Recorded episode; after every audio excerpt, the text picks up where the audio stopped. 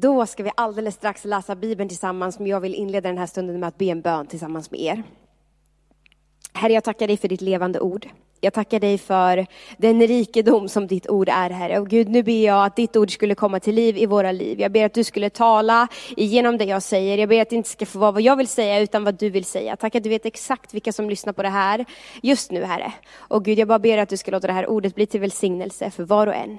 Till uppbyggelse, tröst och uppmuntran. I Jesu namn. Amen.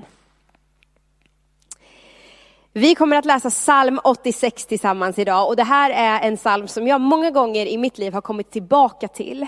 Där David liksom påminner sig själv om vem Gud är. Vi får höra en väldigt ärlig och härlig bön som jag stämmer in i i mitt liv och jag önskar och hoppas att du skulle vilja stämma in i den bönen i ditt liv också. Vi läser tillsammans i psalm 86, och jag kommer läsa ifrån den femte versen och sen kommer vi stanna till vid några punkter här. Du, Herre, är god och förlåtande, stor i nåd mot alla som ropar till dig. Herre, hör min bön, lyssna till mitt rop om nåd. Jag ropar till dig på nödens dag, för du kommer att svara mig. Ingen bland gudarna är som du, Herre, inga gärningar är som dina. Alla folk som du har gjort ska komma och tillbe inför dig, Herre. De ska ära ditt namn. För du är stor och du gör under. Du ensam är Gud. Visa mig, Herre, din väg. Jag vill vandra i din sanning. Ge mig ett odelat hjärta så att jag vördar ditt namn. Jag vill tacka dig, Herre min Gud, av hela mitt hjärta och ära ditt namn i evighet. Den första punkten som jag tänkte att vi skulle stanna till här vid, det är att David, jag tror inte han påminner Gud om vem Gud är, men det är som att han ber det här och påminner sig själv om att Gud faktiskt är Gud. Jag tror att vi har lätt för att glömma bort det ibland. För han säger så här, du är stor och gör under, du ensam är Gud. Låt oss aldrig glömma bort att Gud faktiskt är Gud och vad det innebär att Gud faktiskt är Gud. Det betyder att ingen kan mäta sig med honom. Det betyder att det finns ingen som han, för han ensam är Gud och han gör stora under. Och jag tror att Gud vill göra stora under i mitt liv, han vill göra stora under i ditt liv. Vi har ett på många sätt väldigt utmanande år bakom oss. Men tänk att det finns en ny tid framöver där Gud vill göra någonting större i våra liv. Där han vill visa att han ensam är Gud och att han kan göra under idag. Jag tror att Gud vill göra större och mäktigare saker. Och det vill Gud, tror jag, visa för dig och mig och det vill han göra även om vi kanske inte alltid känner det. Du kanske inte är liksom taggad på en ny säsong. Vi brukar ju, jag delar ofta upp året, eller så livet i i, i så här terminer. Alltså efter sommaren så känns det som att det kommer ett nytt läsår och då är det lite så en ny säsong. Efter den här sommaren kommer en ny höst, en ny tid. Och du kanske inte alls är taggad på den och känner så här, yes äntligen kommer hösten. Eh, det vore ju jättehärligt om du kände så. För att Gud har någonting stort för dig den här hösten. Gud har någonting nytt för oss, någonting större för oss. För att han är Gud och det är så han funkar. Han har alltid någonting nytt i förvar för dig och mig. Gud är alltid värd vår ära, vår uppmärksamhet och vår tacksamhet för att han är Gud. Det behövs inget mer till det, det behövs inget tillägg, utan det är han bara för att han är den han är i sin person. Och ibland så tror jag att vi glömmer bort, precis som jag sa, vem Gud faktiskt är. Eh, jag har många gånger, eller jag märker hos mig själv att jag har lätt att se den här stora mäktiga guden i gamla testamentet som gjorde stora under, han som delade havet, han som liksom eh, som vi kan läsa om, som gjorde massa under och tecken. Han, han, som talade ett ord och den här världen skapades. Och sen så kan man ha en liten annan bild av Gud i Nya Testamentet, att alltså, säga, men Gud är min mysiga kompis. Han är min mysiga kompis också, han vill vara det, men han är fortfarande den där stora heliga guden som vi läser om i Gamla Testamentet. Han är fortfarande den guden som, som översteprästen endast bara fick gå in till i det allra heligaste en gång per år. Han är fortfarande samma Gud. Han är fortfarande ensam Gud, sitter på tronen och, och är värd all ära i evighet. Och tänk att det är den guden som du och jag får komma inför. Det är den guden som du och jag får bara liksom öppna våra hjärtan till och säga att vi vill ha med att göra. Och jag tror att vi lätt glömmer bort vem han faktiskt är. Att han ensam är Gud och han är samma Gud, igår, idag och i evighet. Och ibland så har jag kollegor till mig eller liksom andra människor, man bönar och ber människor om att ta tid med Gud. Så här, det är så bra för dig, ta tid med Gud. Och då tänker jag så här, men har man, har man förstått vem Gud är? Om man behöver böna och be människor att ta tid med honom. För han är fantastisk och underbar. Och alltid värd vår uppmärksamhet. Bara för att han är Gud. Och för att han har bevisat för oss vem han är. Det här är värt ett litet halleluja där hemma där du sitter. Tänk att det är honom vi tillhör, den heliga guden som kan göra precis vad som helst. Som ingen kan mäta sig med. Och det är så härligt tycker jag att David liksom på något sätt påminner sig själv om det här i den här salmen som vi har läst. Men sen så ber David någonting. Han ber så här, visa mig Herre din väg. Jag vill vandra i din sanning. Och det här är en bön som jag ber i mitt liv. Visa mig Herre din väg. Lär mig att vandra i din sanning. Att leva tillsammans med Gud, det är en resa genom livet. Det är en vandring tillsammans med honom, där han ständigt vill att vi förstår mer och mer om vem han är, vad han kan göra och vad han har tänkt för våra liv. Det är en ständig rörelse där Gud vill lära oss någonting på vägen. Där vi får förstå mer om allt det goda han är och allt det goda han har. Och vi kan få vandra i hans sanning. Och då kan man ju känna så här, och det lät kanske lite kravfyllt och lite jobbigt, men Guds sanning, den tynger oss inte, utan den sätter oss fria. Inte på ett sådant sätt så att det betyder att vi kan göra hur som helst, när som helst, vad vi vill och sådär. Men det handlar om att när jag förstår Guds sanning, när jag förstår vad han har sagt om mig och vad han har tänkt för mig, då blir jag fri. Och jag får vandra i hans frihet, för jag vet vem jag är i Gud. Att vandra i Guds sanning, det betyder att låta Guds ande vara den röst som talar högst i mitt liv. Det finns så många röster idag, det finns så mycket ljud i den här världen som vill tala till oss på olika sätt. Som vill berätta för oss hur vi ska leva våra liv, som vill berätta hur vi ska prioritera, vad vi ska göra och vad vi ska inte göra. Och vi kan inte helt och hållet bara stänga av alla de där rösterna, för vi lever ju i den här världen och det ska vi göra. Men vi behöver påminna oss själva och hjälpa oss själva och varandra att låta Guds ord, att låta Guds röst vara den rösten som får vara överst. Som får tala högst in i ditt och mitt liv. Som får vara den rösten som jag prioriterar, som jag vill lyssna på mer än vad jag lyssnar på allting annat. Och för att kunna göra det så tror jag att vi behöver ju känna igen Guds röst. Vi behöver känna igen hur han låter, hur är det han talar, vad är det han säger. Och det gör vi först och främst genom att läsa hans ord. Det är när jag läser Guds ord, när jag läser min bibel som jag lär känna Guds röst och förstår vad han har sagt och vad han säger och vem han är. Låt oss fortsätta hålla Guds ord högt och hålla den här sanningen högt i våra liv. Och att han vill genom sitt ord visa oss vem han är och vad som är hans sanning. Och grejen är ju den att det är inte alltid säkert att Guds sanning stämmer överens med min sanning. Ibland så kan det krocka lite. Och då behöver du och jag be den här bönen som David ber. Gud hjälp mig att vandra i din sanning. Även de gånger när jag kanske känner för någonting annat, när jag vill göra någonting annat, när känslor drar mig åt ett annat håll. Så hjälp mig Gud att hålla din sanning högst i mitt liv. Och han vill hjälpa oss att göra det. David ber, ge mig ett odelat hjärta så att jag vördar ditt namn. Det är som att David vet att det finns så mycket i den här världen som vill dra oss hit och dit. Det är svårt att ha ett helt hjärta. För det är så mycket saker som vill på något sätt claima våra hjärtan och ta plats i våra hjärtan. Och han ber, ge mig ett helt hjärta Gud, som vördar ditt namn över alla andra namn. Vördar, det är ju ett ord som vi kanske inte använder så mycket och i den gamla översättningen så stod det ett hjärta som fruktar ditt namn och det kanske är ännu svårare att förstå. Men, men att frukta någon, att vörda någon, det betyder inte som vi ibland tänker att vara rädd för någon. Det kan betyda det, men det är inte det det talar om här i Bibeln. Utan att frukta Guds namn, att vörda hans namn, det betyder att lyda honom. Det betyder att underordna sig Gud.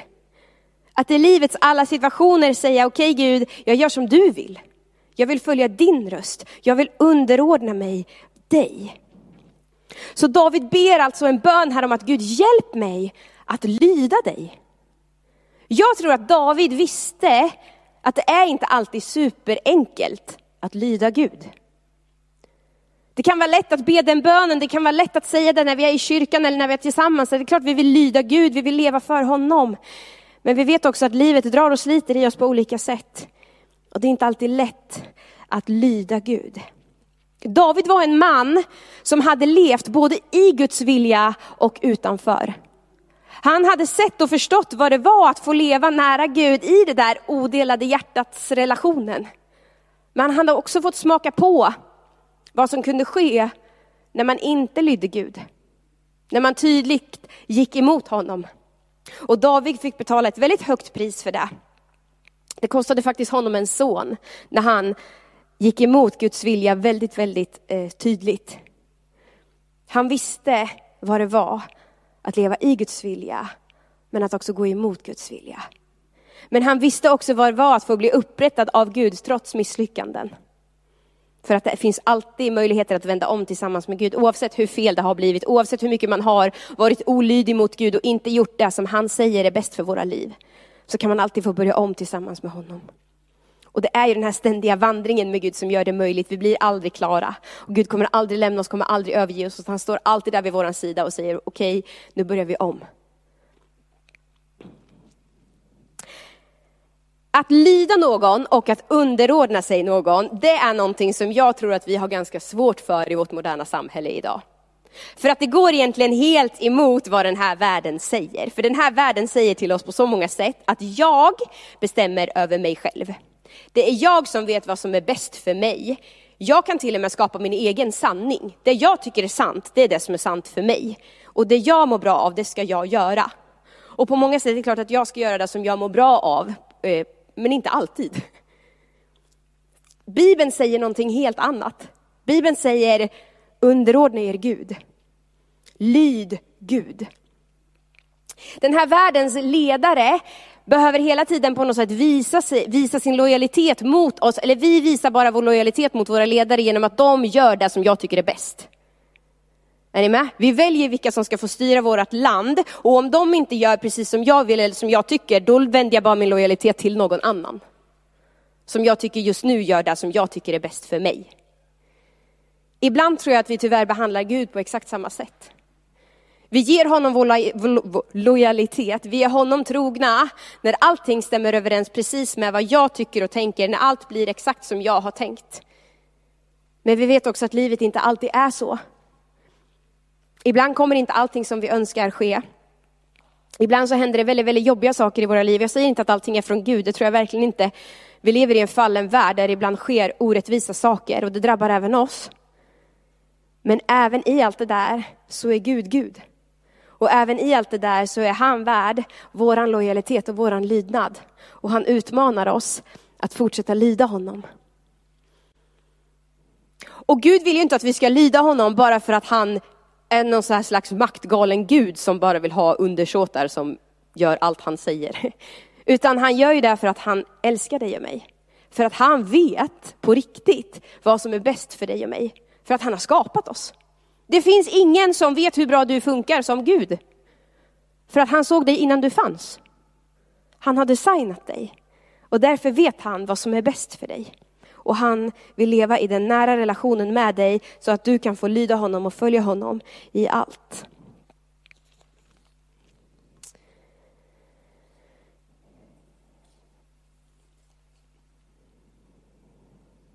Vi kan få vandra Guds väg. Vi kan få vandra i hans sanning. Och att göra det verkar vara att vörda hans namn. Alltså att underordna sig Gud och säga okej okay, Gud, ske inte min vilja utan din vilja över mitt liv. Hjälp mig att leva det livet. David bad den bönen, han behövde be den bönen. Gud lär mig, visa mig. Jag behöver be den bönen. Gud lär mig, visa mig. Och kanske behöver du be den bönen också.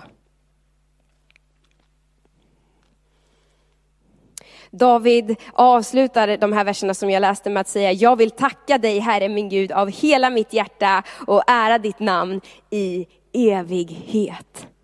Vi kan få ära Gud med hela, våran liv, med hela våra liv. Vi kan alltid tacka Gud för att han är den han är, precis som jag sa i början. Och grejen är, ibland kan vi känna så här, men ska jag tacka Gud för allting som händer? Det, är inte det, som, det kan ju hända jättejobbiga saker i ditt liv, du ska inte tacka Gud för de jobbiga sakerna du går igenom. Men Bibeln talar om att igenom allt så kan vi tacka Gud.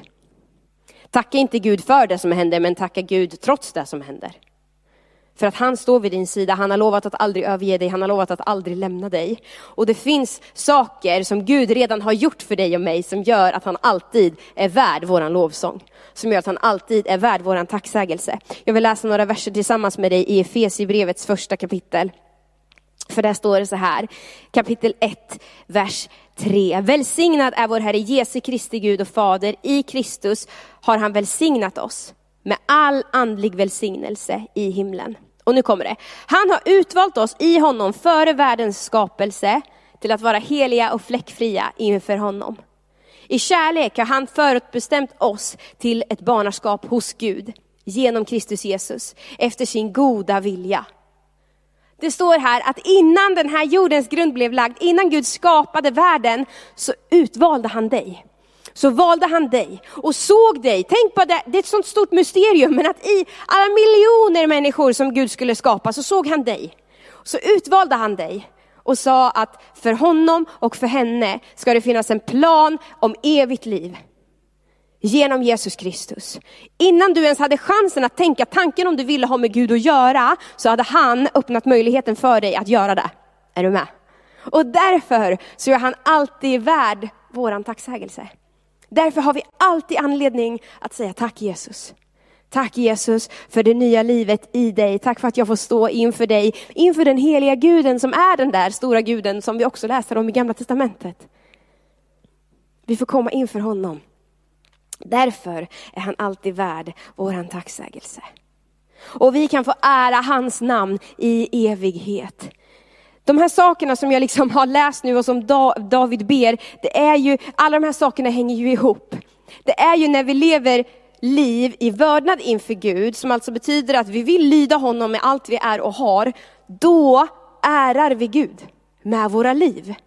Det är som att han har skapat en design för hur våra liv kan fungera och den designen hittar vi i hans ord. Och när du och jag gör vad vi kan för att leva efter den planen som han har, då vördar vi med Gud med våra liv och då ärar vi också honom. Det betyder att vi lever liv som pekar på vem Gud är. Och jag tror att det är det som du och jag mår allra bäst av, för att det är det vi är skapade för att göra. Men jag tror också att då får våra liv en förlängning som gör att andra människor ser att det är något speciellt med oss. Inte att vi ska vara präktiga och liksom tycka att vi är bättre än alla andra, utan att, Gud ska, eller att människor ska se Gud i oss. Det är ju där det handlar om. Hej, vad är det, varför väljer de att leva sina liv så där? Vad är det de gör? Varför har de sån kärlek? Jo, det är för att du och jag har valt att leva i vördnad inför Gud.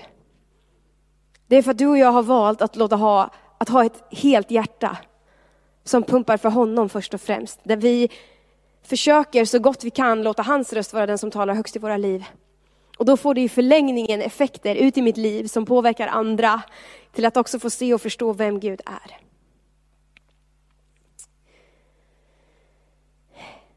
Jag skulle vilja avsluta det här med att utmana dig att be den här faktiskt på så många sätt modiga bönen som David ber. Visa mig Herre din väg. Lär mig att vandra i din sanning. Ge mig ett odelat hjärta så att jag vördar ditt namn.